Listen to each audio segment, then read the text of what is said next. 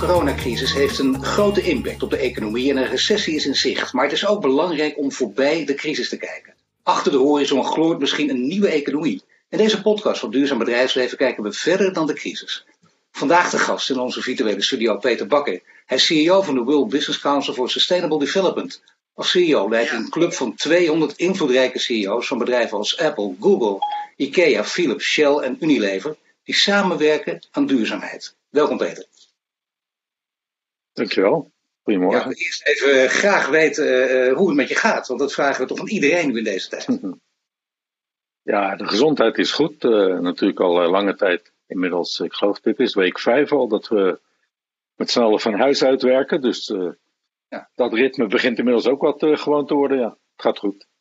Maar je bent iemand die normaal gesproken van waaruit werken? Jij werkt vanuit Zwitserland? Ja, het, ons hoofdkantoor staat in Genève in Zwitserland. Ik, uh, in deze baan uh, reis ik ongeveer uh, nou, 75, 80 procent van mijn tijd. Dus wat dat betreft is het een abrupte verandering. Want reizen, dat doen we natuurlijk nu niet. En ja, nu werken we vanuit één plek en dat is deze. Hier in, ergens op een berg in Zwitserland. Doet dat iets met je, met je humeur, met je temperament? Ah, ik moet zeggen, de eerste twee, drie weken wel. Ja, dat was echt, wel, wel echt heel anders dan wat ik gewend ben. Maar ik, heb, ik denk niet dat ik ooit zo lang achter elkaar in hetzelfde bed geslapen heb. um, maar, uh, maar ja, nu, uh, nu is, is het zo. En, uh, en ik moet zeggen, kijk, vandaag praten we over Blue Jeans. normaal gesproken doen we veel met Zoom of, of andere van dat soort apps. En dat gaat eigenlijk heel goed. Ja. het, het verbinden met mensen gaat veel beter dan ik van tevoren zou hebben ingeschat. Ja, maar dan nog, uh, heeft dat uh, consequenties voor, voor de toekomst? In de zin van dat je minder gaat vliegen en het meer op deze manier gaat doen? Nou, ik denk het wel. Ik, ik, uh, ik, ik, ik, moest vorige week een vrij grote speech in Beijing doen. Nou, daar kon ik natuurlijk niet heen vliegen. En, en daar zaten, ik, ik dacht, 120 mensen vanuit heel de wereld in een grote Zoom-call. En dan, en, en, dat had ik eigenlijk nog niet eerder gezien, maar ook met verschillende taalkanalen. Dus ik kan natuurlijk geen Chinees verstaan, dus ik moest op het eh, Engelse kanaal luisteren. Ja. En uiteindelijk denk je, joh, voor een, voor een speech van 15 minuten, daar zou ik normaal gesproken voor naar Beijing gevlogen zijn. Ja. Maar ik vraag me toch af of ik dat in de toekomst nog doe. Ja, nou ja, dat zijn mooie inzichten. Uh, wat ook mooi is trouwens, als ik even naar de achterkant kijk, uh, dat is, dan hoef ik dat zelf ook niet te zeggen. Want ja, je wordt altijd voor de mensen die het nog niet weten in één adem genoemd. Hè? De grote drie, Peter Bakker en nog twee. En die zie ik daar volgens mij achter ja, nee, hier, hier achter me The Three Dutchmen staat erop. Uh, geïnspireerd door de Three Musketeers. Dat is ooit gemaakt door uh, het World Food Program, waar uh, Paul Polman, Fijker Siebesma en ikzelf veel dingen samen hebben gedaan. En vandaar dat we op één plaat gevangen zijn. Ja, geweldige plaat, geweldige plaat. En die andere platen zien we op een hele grote manier. Hè? Ja, dit is uh, hier is U2 aan het spelen. Die foto is gemaakt door uh, Nederlandse fotograaf Anton Corbijn. Uh, ja. Maar dit hier, die man die hier aan het vliegen is, is Bono van, van U2. Ja, en die heb je ontmoet in die tijd van, van TNT volgens mij. Ja, toen, toen we in TNT veel werk deden met het World Food Program en dus veel in Afrika probeerden met logistieke ondersteuning te helpen. Toen heb ik eh, Bono leren kennen. En uh, ja, we kennen elkaar natuurlijk nog steeds. Maar... Ja, je kent elkaar nog steeds. En nog steeds ook uh, af en toe contact. Gewoon naar een concertje toe gaan met z'n twee. Of ook serieuze plannen? Nee, hij is. De, kijk, ik werk nu op een veel breder terrein dan alleen hulp in Afrika. Wij, die World Business Council werken we aan, aan grote dingen zoals climate change, voedselsysteemtransformaties, zelfs kapitalisme transformeren. En dat zijn topics waar, waar Bono wat minder mee bezig is. Dus, uh, maar ja. als hij speelt, zien we elkaar altijd nog wel een paar keer. Ja. ja, nou ja, dat is toch een hele mooie band voor het leven, zou te horen. Ja, ja, dat, ja, dat zullen we afwachten of dat zo lang duurt. Maar. Je had het net over de grote thema's, hè, de World Business Council. Wat jullie precies doen, 200 grote bedrijven bij elkaar. Um, kun, je, kun, je, in het kort uitleggen wat precies? Hè? Dat, dat zijn de grote thema's die je, die, die je onder de loep neemt. Maar wat jullie ja. hebben bereikt, want je bent sinds 2012 CEO daar. Ja, de, de, de club zelf uh, zou dit jaar zijn 25 jaar bestaan vieren. Dus dit is, uh, dit is een club die is opgericht na, nadat die eerste Earth Summit in Rio in 1992 was georganiseerd. Waar eigenlijk de UN voor de eerste keer uh, allerlei overheden bij elkaar bracht om over wat we nu duurzaamheid noemen te praten. Daar bleek toen dat het bedrijfsleven eigenlijk geen stem had in die conversatie toen. En daar is uiteindelijk uit voortgekomen dat er een organisatie werd opgericht, de World Business Council for Sustainable Development. Nu zijn we 200 grote bedrijven. Wat we eigenlijk proberen te doen, is er zijn zes hele grote transformaties nodig van economische systemen. Het energiesysteem moet naar zero carbon, dus, dus nul uitstoot. Het voedselsysteem moet duurzaam worden. En de manier waarop we over mobility nadenken, dus het soort vervoer wat we gebruiken, het soort steden die we ontwerpen, moet worden veranderd. Uh, kapitalisme zelf moet op de schop. Nou, dat zijn de grote transformaties waar we aan werken. Wat we dan doen is we brengen van die 200 bedrijven groepen bij elkaar die aan grote oplossingen werken. Dus om een goed voorbeeld te geven, in 2015 was de grote team klimaattop in uh, Parijs. Daar hadden wij negen hele grote oplossingen voor klimaatverandering uh, bij elkaar gebracht. 180 bedrijven om, rondom die negen oplossingen verzameld. En uiteindelijk zie je dat, uh, dat, dat dat een van de belangrijkste inputs in die klimaattop was. Nou, en daarop voortbordurend werken wij nu alweer een paar jaar met bedrijven. Ja, we moeten targets gaan zetten om naar zero carbon te komen. Nou, dat heb je in Nederland gisteren, waarschijnlijk vandaag, uh, groot in de pers gezien. Ja. Uh, Shell kondigt als uh, een van de eerste grote energiebedrijven een zero carbon doelstelling aan. Ja. Nou ja, dat, dat zijn de soort trajecten die wij met dit soort bedrijven doorlopen. Om te kijken hoe doe je dat en, en wat kunnen we van elkaar leren om te kijken hoe we dat kunnen versnellen. Ja, het is eigenlijk een, een, waanzinnig initiatief natuurlijk. Hè. Dit soort grote bedrijven ook nog met elkaar aan de slag. Uh, je ziet al hoe lastig het is tussen landen. Laten we alleen maar eens naar Europa kijken om met elkaar te werken. Uh, hoe is dat tussen bedrijven? Je hebt altijd gevonden, denk ik, je carrière lang, dat het uiteindelijk dit soort veranderingen van het bedrijfsleven moeten komen. Meer dan van de overheid. Maar wat is nu, na al die jaren ervaring, jouw belangrijkste reden? Want je, kunt, je hebt overal achter de schermen kunnen kijken. Ja, nou ja, wat je. Kijk, wat, wat bedrijven zijn natuurlijk uniek ten opzichte van overheden. Dat ze iets minder gefocust zijn op uh, herverkiezingen. Uh, natuurlijk moeten ze wel hun kwartaalcijfers en hun jaarcijfers moeten ze proberen goed te, te, organiseren richting de aandeelhouders. Maar het is niet die vier cycle van oh jee, er is weer verkiezingen, nu moeten we populair zijn. Ze kunnen iets langere termijn denken. Het tweede wat uniek is aan bedrijven, is dat ze, tenminste de bedrijven waar wij mee mogen werken, dat zijn allemaal globale bedrijven. Dus die, wat, wat een van de grote problemen in duurzaamheid is, is dat je eigenlijk alleen de wereld duurzaam krijgt als je de hele keten van, van ruw materiaal tot eindproduct kunt verduurzamen. Dus dat gaat bijna altijd over landsgrenzen heen. Dus politiek, ja, dat gaat over landsgrenzen of soms over regionale grenzen. Terwijl bedrijven die, die kunnen tot en met ja, de bossen in Indonesië of waar dan ook maar de, de ruwe materialen vandaan komen, kunnen die de duurzaamheid implementeren. Wat, wat de laatste jaren steeds sterker wordt, is het besef dat je kunt wel een leider zijn, zoals ik misschien in de tijd was in TNT, als individueel bedrijf in duurzaamheid. Maar als je niet in staat bent om de sector en de hele bevoorradingsketen te verduurzamen, I.e., als je het niet samen met anderen in die duurzaamheidsketen probeert te doen, ja, dan bereik je niks. Dan ben je misschien korte tijd een held, maar lange tijd wordt het systeem niet duurzaam. En daarom is dat samenwerken tussen bedrijven zo belangrijk. En ik snap ook dit soort argumenten waarom bedrijven dat vooral moeten doen. Maar je kent de kritiek van de buitenwereld vaak. Hè? Je wordt ook aan een democratische controle ontrokken. Vergeleken met, met overheden, als die iets voor elkaar krijgen. wat zeg je tegen die critici?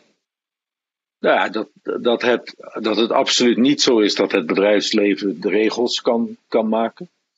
Uh, maar we zien op dit moment, zeker in die duurzaamheid, dat de overheid, die is nauwelijks in staat het bedrijfsleven bij te houden. Kijk, dat begon al in die klimaat. Als je echt serieus met klimaat aan de gang wil, dan moet er een hele hoge prijs op uitstoot komen.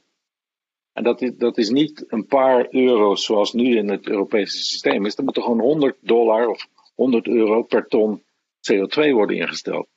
Het bedrijfsleven schreeuwt daar al een paar jaar over. Uh, overheden kunnen het er maar niet over eens worden. Nou ja, dat, dat, dat stelt niet dat het bedrijfsleven dan maar de regels moet gaan stellen. Want inderdaad, daar zijn democratische processen voor. Maar je ziet wel, en, en dat is iets waar wij proberen ook een bijdrage aan te leveren. We moeten veel nauwer in contact zijn met die overheden om te zeggen, jongens, welke incentives en welke belastingsmaatregelen en andere regels hebben we nodig om hier te kunnen versnellen. Uh, ja, en dat is, vind, je, vind je dat het goed gaat, dat, dat veel overheden daar ook, uh, dat, dat er samenwerking mogelijk is? Of, of uh, is het toch uiteindelijk, in, laten we zeggen, de, de praktijk is vaak weer barstiger en misschien wel een, een, een remmende factor in veel gevallen? Of zie je dat overheden zich ook ontwikkelen? Ja, het is op dit moment heel verschillend, de overheden. De, neem klimaat weer even als voorbeeld, maar neem, neem eigenlijk het bredere geopolitieke lens maar even je ziet natuurlijk die hele globale uh, overeenstemming, die wordt steeds moeilijker te bereiken doordat ja, overheden, landen, uh, regimes in landen, die gaan natuurlijk toch steeds meer een beetje op zichzelf focussen. Ja. En dat is wel een beetje een zorgwekkende trend, want ehm, klimaat krijg je niet opgelost door alleen Nederland naar zero carbon te brengen of Europa. We, kunnen, we hebben een mooi groen plan in Europa. Moeten we ook vooral heel hard implementeren. Omdat, niet omdat ik denk dat Europa alleen klimaatverandering kan tegenhouden. Maar door als Europa heel hard vooruit te gaan lopen, creëer je een competitief voordeel waar je als Europa op lange termijn heel veel aan zult hebben. Maar als we niet in staat zijn om wereldwijde overeenstemming te bereiken over welke richting we op willen met klimaat, of met biodiversity, of met uh, ongelijke sociale ongelijkheid, ja, dan gaat het systeem gewoon vastlopen. Maar juist als je uh, verwacht dat het in een deel van de wereld gebeurt, is het Europa. Heeft ook de Indiaanse schrijver Amitav Ghosh gezegd, ook een belangrijke denker in dit debat. Die zegt, kijk, daar woont uiteindelijk, tot vele verbazing riep hij dat, ik was ook bij zo'n bijeenkomst, toen zei hij, kijk, daar woont de hoogst opgeleide bevolking, uiteindelijk moet het daar vandaan komen. Uiteindelijk resulteert het in zo'n Green Deal. Heel veel kritiek daarop, van links en rechts. Maar je denkt toch, die Green Deal, Timmermans, dat is heel belangrijk. Vanuit Europa moet het uiteindelijk vooral komen. Nou, ik, ik, denk dat het heel belangrijk is als. Uh, om twee redenen. Het, geeft een heel belangrijk signaal naar de andere economieën. Van wat, wat is uh, het oude Europa van plan te gaan doen? En nogmaals, wat ik net al zei, het gaat het lange termijn competitieve voordeel voor Europa opleveren. Want het gaat een enorme spurt in innovatie, in schaal in, van oplossingen brengen, dus daarmee kostenvoordelen opleveren. Ja, en, dat, is, dat is denk ik een heel verstandige keuze die Europa daar maakt. En ja, natuurlijk, we kunnen het over allerlei onderdelen meer of minder eens zijn. Dat, dat zal dan wel. Maar het signaal is een ongelooflijk belangrijk signaal. Nu speelt er nog iets, namelijk uh, je wil vooruit. En uh, als je vooruit wil, dan, uh, dan hoop je ook dat je, dat je ja, het economisch getij mee hebt. We leven nu in coronatijden. En dan zie je misschien wel een verschil. En als ik het overdrijf, corrigeer mij meteen. Maar toch er zijn veel boeken over geschreven. De elite en de bevolking. Een deel van de elite, waar jij ook onderdeel van uitmaakt, begrijpt het, zou je bijna kunnen zeggen. Die willen vooruit, die willen deze kant op. Maar de bevolking denkt, een deel van de bevolking, kijk maar naar de onderzoeken die nu gehouden worden. We hebben even wat anders aan ons hoofd, even geen klimaat. Wat, wat, hoe kun je dat, die kloof uh, dichten? Ja, die, die, is, die, is, die is wat mij betreft in dit tijdsgevricht niet zo heel makkelijk te dichten. Kijk, je moet, je moet natuurlijk blijven hameren en dat doen we ook. Uh, er worden allerlei prachtige brieven geschreven naar de G20 en naar de Europese top. Uh, om te zorgen dat al die economische stimuluspakketten die nu in, in, worden georganiseerd voor die COVID-reactie, dat die wel worden geïnvesteerd in een betere economie en niet in, een, in een, de oude economie. Maar ik vind, ik vind het elitair opportunisme om te zeggen: klimaat eh, en COVID zijn dezelfde dingen en daarom moeten we nog harder op klimaat gaan drukken. Dat, dat is een argument. Ik zie het mensen maken en sommige mensen overtuigender dan, dan anderen. Maar dat vind ik nou wel typisch een beetje elitair gedrag. Kijk, vandaag gaat het over: uh, is, ben ik en is mijn gezin en, en wijdere kring, zijn die veilig? Uh, heb ik nog een baan morgen? En in Europa is dat gelukkig beter geregeld dan, uh, voor, voor, dan in Amerika, waar nu ook al meer dan 22 miljoen mensen in drie weken hun baan zijn verloren. Ja, dan heb je wel, dan heb je wel even iets anders aan je hoofd dan of klimaat nog wel het belangrijkste is. Waar we denk ik en, ja, of je dat elite wil noemen of, uh, of de voorhoede, dat, dat maakt niet zoveel uit. Waar we denk ik enorm voor moeten oppassen is dat je ziet nu door die schok van COVID hoe slecht voorbereid we in de meeste landen, in de meeste supply chains van het bedrijfsleven zijn op dit soort schokken. Ehm, we reageren nu, afhankelijk van het land waar je naar kijkt, zo adequaat mogelijk. Sommige beter dan andere. Maar je ziet wel dat we laat zijn in de reacties. En dat er dus een enorme schok volgt doordat we nu allemaal social distancing, allemaal thuiswerken. Ja. Ehm, maar als je, als je door de lens van duurzaamheid naar de toekomst kijkt, uh, de enorme verdichting van de, de stedelijke gebieden, uh, de, de schokken die we in de natuur brengen, die echt wel op zijn limiet aan het raken zijn, de schokken die het klimaat daar overheen zal gaan zetten, is de verwachting dat wat nu COVID heet, kan morgen iets anders heten. Dat kan een natuurramp zijn, dat kan een andere pandemic zijn, dat, er kunnen allerlei varianten op zijn. Maar de verwachting dat er veel meer van dit soort schokken naar ons toe komen, ja, die is heel reëel te maken. En daarom moet je keihard blijven werken aan biodiversiteit, aan, aan klimaatverandering. Maar, en dat is, dat is volgens mij wat, wat wij bij de World Business Council al een tijdje roepen, maar wat nu heel erg hard uh, naar voren komt.